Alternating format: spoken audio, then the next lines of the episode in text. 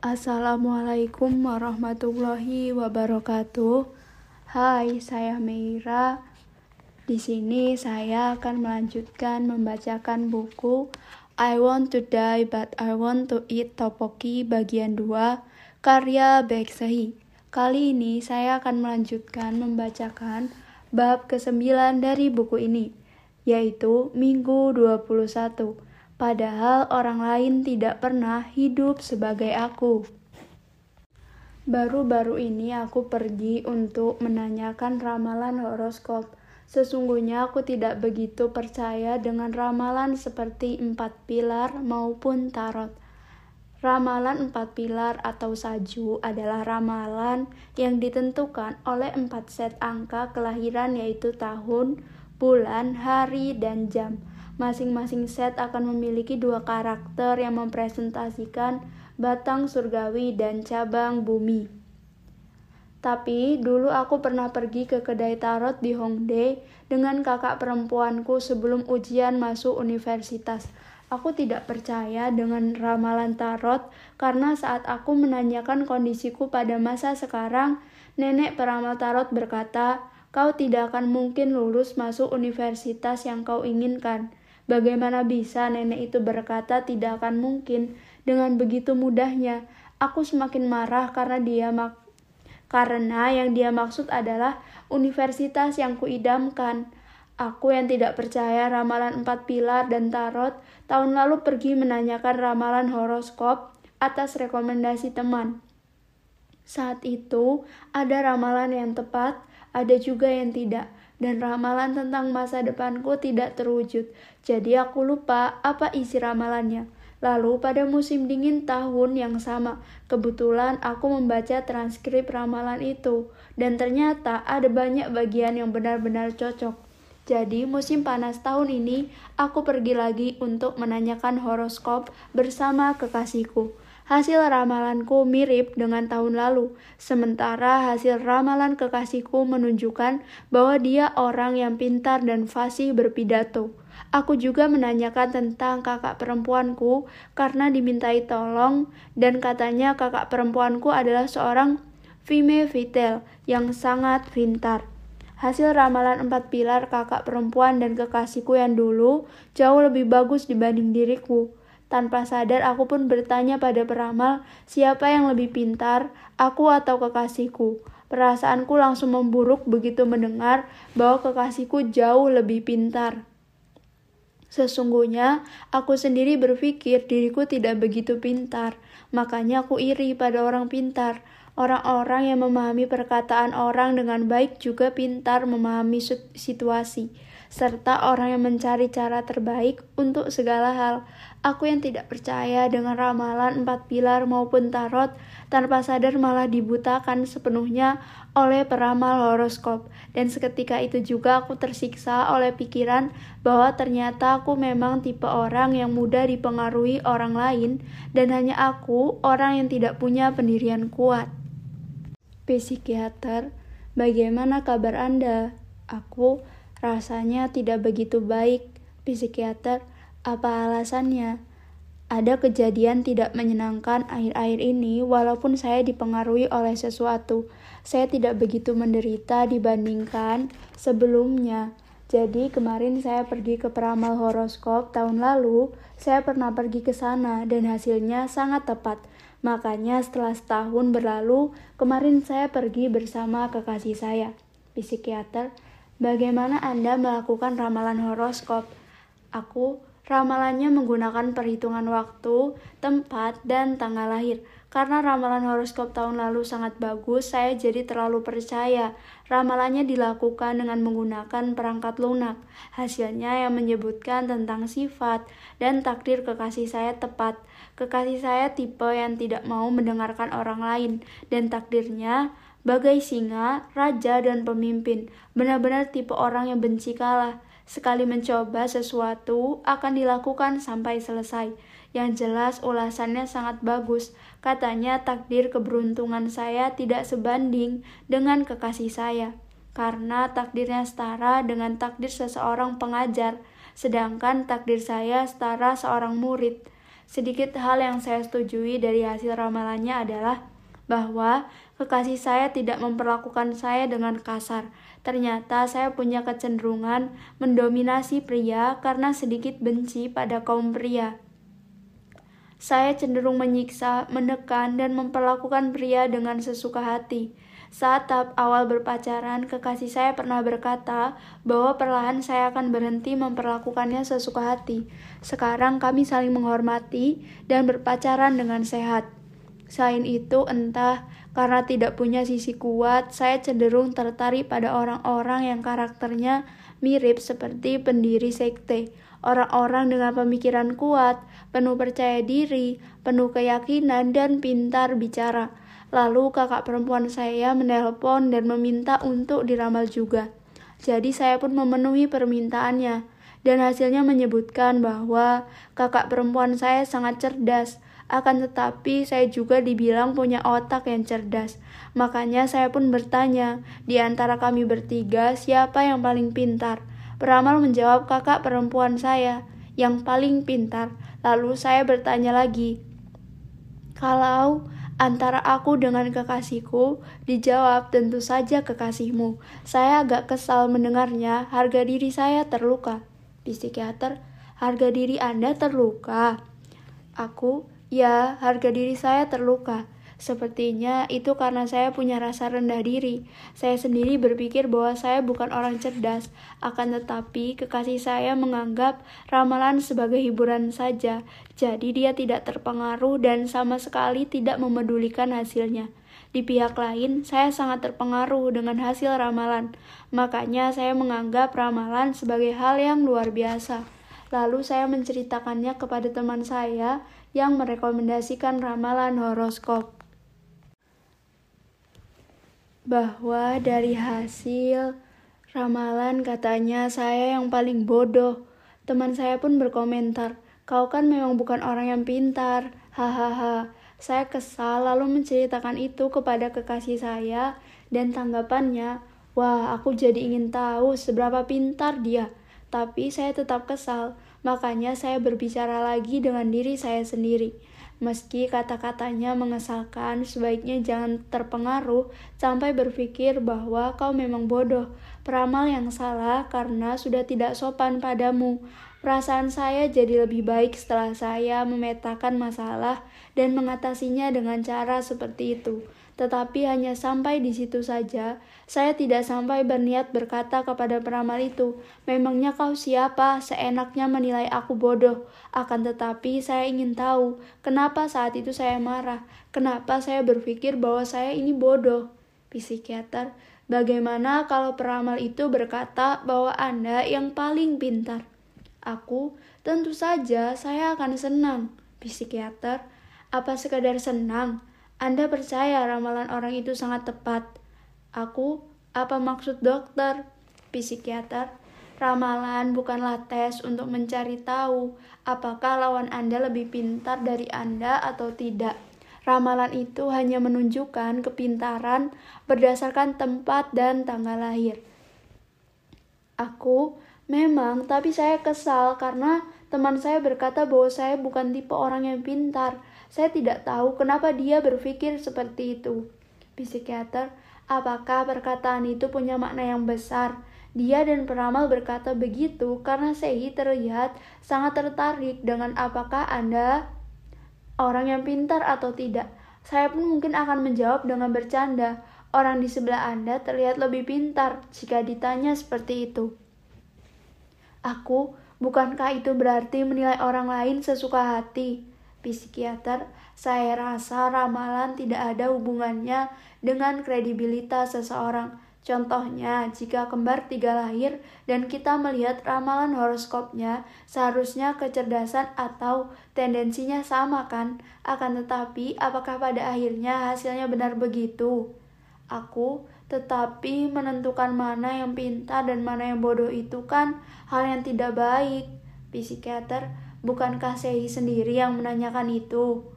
Aku, itu karena peramal berkata bahwa saya termasuk orang yang pintar. Sedangkan saat membacakan ramalan kekasih dan kakak perempuan saya, dia berkata, Wah, kau pintar luar biasa.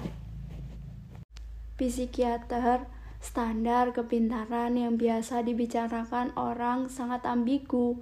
IQ tinggi bisa berarti orang itu pintar, bisa juga berarti cerdas. Akan tetapi, karena Sehi sudah dipenuhi kepercayaan, pokoknya aku sangat mempercayaimu. Saat menemui si peramal, itu membuat Anda jadi orang yang lemah. Jadi peramal itu pasti akan berpikir bahwa Sehi akan mempercayai apa pun yang dia katakan. Aku, wah, waktu itu kekasih saya juga menggoda saya. Katanya saya sudah percaya buta pada orang itu dan menganggapnya juru selamat. Lalu katanya dia tidak terpengaruh dengan hal semacam itu. Jadi baginya peramal itu terlihat agak menyedihkan. Itulah yang dikatakan kekasih saya. Peramal itu berkata, "Wah, kau pasti akan sangat stres saat mengejar orang orang tidak berbakat yang seperti anak kecil, karena kekasih saya pintar berbicara, cerdas, dan seorang pengajar. Akan tetapi, kekasih saya tidak berpikir demikian. Kekasih saya merasa peramal itu sepertinya berpikir bahwa seseorang harus hidup sesuai dengan yang telah ditentukan. Dengan pemikirannya yang tidak fleksibel itu menyedihkan karena menurut kekasih saya setiap orang butuh proses. Psikiater, apa Anda yakin perkataannya itu hanya ditunjukkan kepada peramal itu saja? Aku, jadi maksud dokter itu ditunjukkan untuk saya psikiater, sedikit dia seperti mengajak Anda menikmati ramalan itu. Hasil ramalan kan, biasanya memang begitu. Semua sudah ditentukan oleh takdir dan perjuangan kita tidak berarti. Aku, dokter pasti tertawa karena saya peduli hal ini kan? Psikiater, Anda mungkin akan merasa senang setelah mendengar hasil ramalan, tetapi saya harap Anda menerima hasil ramalan sebagai referensi saja saya punya satu pengalaman. Ada satu teman yang sangat saya kenal, dia sangat rajin mengunjungi kuil Buddha dan sangat suka pergi mengecek ramalan. Setiap ada kesempatan, dia pasti pergi menanyakan ramalan, dan saya pun terpaksa ikut pergi bersamanya beberapa kali. Teman saya itu punya harga diri yang besar. Sebenarnya saya hendak menceritakan hal serupa kepada Anda, seperti sampai mana peruntungannya. Tapi intinya, sampai sekarang dia menjalani hidup dengan peruntungan yang sangat bagus. Lalu, setelah cukup lama tidak berkomunikasi, dia menghubungi saya dan bercerita. Katanya dia punya kisah rahasia kelahiran seperti dalam kisah drama, bukan hanya jam dan tanggal kelahirannya saja yang berbeda. Bahkan orang tua kandungnya juga ternyata orang lain, orang tuanya yang sekarang yang menentukan tanggal lahirnya. Padahal teman saya itu sudah ratusan kali melihat ramalan jadi sekarang saya bertanya-tanya, apalah arti perkataannya? Aku diberkati, aku lahir pada hari yang baik. Bahkan peramal yang sangat terkenal pun tidak pernah berkata, sepertinya kau tidak lahir pada hari ini. Itu namanya sugestibilitas. Sugestibilitas atau sugestibility adalah kemampuan untuk menerima atau merespon suatu sugesti sederhana. Saat sugestibilitas berkembang, kita cenderung lebih menaruh perhatian untuk mendengarkan yang kita anggap penting saja. Bukankah ada yang bisa kita usahakan? Sama halnya dengan Sehi yang menyembuhkan luka melalui perbincangan dengan diri sendiri. Jadi, saya berharap Anda menilai usaha yang sudah Anda lakukan dengan lebih tinggi, alih-alih hasil perhitungan waktu dan tempat lahir. Aku kalau begitu, apa saya harus peduli dengan kata-kata teman saya? Psikiater, kata-kata teman Anda mungkin punya arti yang lain. Mungkin dia hanya bercanda karena sangat dekat dengan Anda. Aku, saya menerima kata-katanya sebagai hinaan, bahwa dia menganggap saya bodoh. Saya merasa begitu. Saya lama menyalahkan diri sendiri karenanya. Pemikiran seperti ini muncul begitu saja. Saya menyalahkan diri saya yang berpendirian sangat lemah dan mudah terpengaruh. Yang paling saya benci adalah bahwa saya tiba-tiba jadi takut pada kekasih saya setelah pergi melihat ramalan horoskop kemarin. Sebelumnya, saya bisa menghadapinya dengan nyaman sebagai individu yang setara dengan saya tapi kenyataannya dia adalah orang dengan kepribadian sangat kuat. Sementara saya, orang dengan kepribadian lemah. Pemikiran semacam itu yang mempengaruhi saya. Pemikiran psikiater, menurut saya, Sehi sudah terlanjur memberikan hak kepada peramal itu, hak untuk bisa menilai. Sebenarnya, Anda punya standar yang cukup untuk bisa menilai seseorang. Selain itu, Anda sudah menghabiskan lebih banyak waktu dengan kekasih Anda dibandingkan peramal itu. Peramal itu hanya menilai berdasarkan tanggal, saja tanpa melibatkan kekasih Anda kan? Aku, maka dari itu dok, saya pun berpikir, padahal aku sudah melalui banyak waktu bersamanya. Lantas kenapa aku jadi begitu terikat pada apa yang dikatakan peramal mengenai diriku hanya dengan sedikit bukti? Pikiran itu benar-benar membuat saya kesal, padahal kekasih saya sudah meminta agar saya tidak usah memikirkan itu. Lalu kenapa saya masih saja? Saya merasa sudah menjadi orang yang menyedihkan karena begitu tenggelam pada ramalan horoskop. Padahal dulu saya tidak peduli sama sekali dengan yang namanya ramalan. Psikiater, saya rasa akan lebih baik Anda mencoba memikirkan kembali hal-hal yang sudah Anda bangun dan perjuangkan. Aku, baik dok, tapi saya benar-benar ingin menjadi kuat. Makanya saya selalu menginginkan peruntungan seperti kakak perempuan dan kekasih saya. Saya ingin menjadi seorang raja atau pemimpin, sebab saya tidak memiliki karakter itu dalam diri saya. Selain itu, saya cenderung tertarik pada orang-orang yang kuat karena saya tidak sekuat mereka. Saya benci kenyataan bahwa diri saya bukan orang yang kuat. Saya merasa saya orang yang lemah, karena itu sepertinya saya selalu berpura-pura kuat, walaupun sebenarnya tidak psikiater, siapa pun pasti ingin menjadi kuat. Siapa pun tentu punya hasrat untuk menjadi kuat dan sempurna. Itu pun jika memungkinkan. Tapi saat memilih cara untuk menjadi kuat, bagaimana kalau Anda memilih cara yang lebih ilmiah dan masuk akal? Saya harap Anda mempercayai pengalaman Anda. Hasrat untuk membuktikan jati diri. Ada orang-orang yang membuatku merasa tidak berharga, misalnya orang-orang yang hanya membicarakan diri mereka sendiri, orang-orang yang berbicara sembari memojokkanku, atau orang-orang yang melukaiku dengan membicarakan tentang diri mereka sendiri. Tentu mungkin saja aku juga orang yang seperti itu, walau aku sangat berharap aku bukan. Jika aku bertemu dengan orang-orang itu, semua akan kulupakan setelah melampiaskan amarah sejenak. Akan tetapi, sudah jelas masalahnya adalah bagaimana hal itu membuatku merasa tidak berharga kan?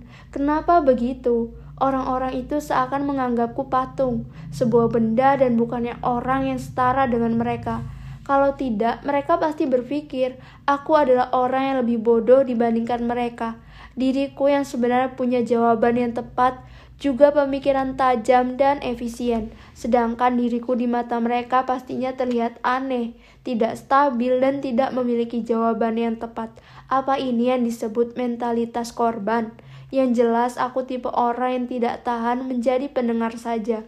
Aku senang bercerita tentang diriku sendiri, dan kurasa aku tidak punya alasan untuk berhubungan dengan orang yang tidak menanyakan tentang diriku menuangkan perasaan secara sepihak, tak ubahnya berbicara dengan tembok. Aku lelah bertemu orang-orang yang tanpa henti ingin membuktikan bahwa dirinya lebih hebat dariku sambil menceritakan diri mereka. Aku muak dengan energi semacam itu.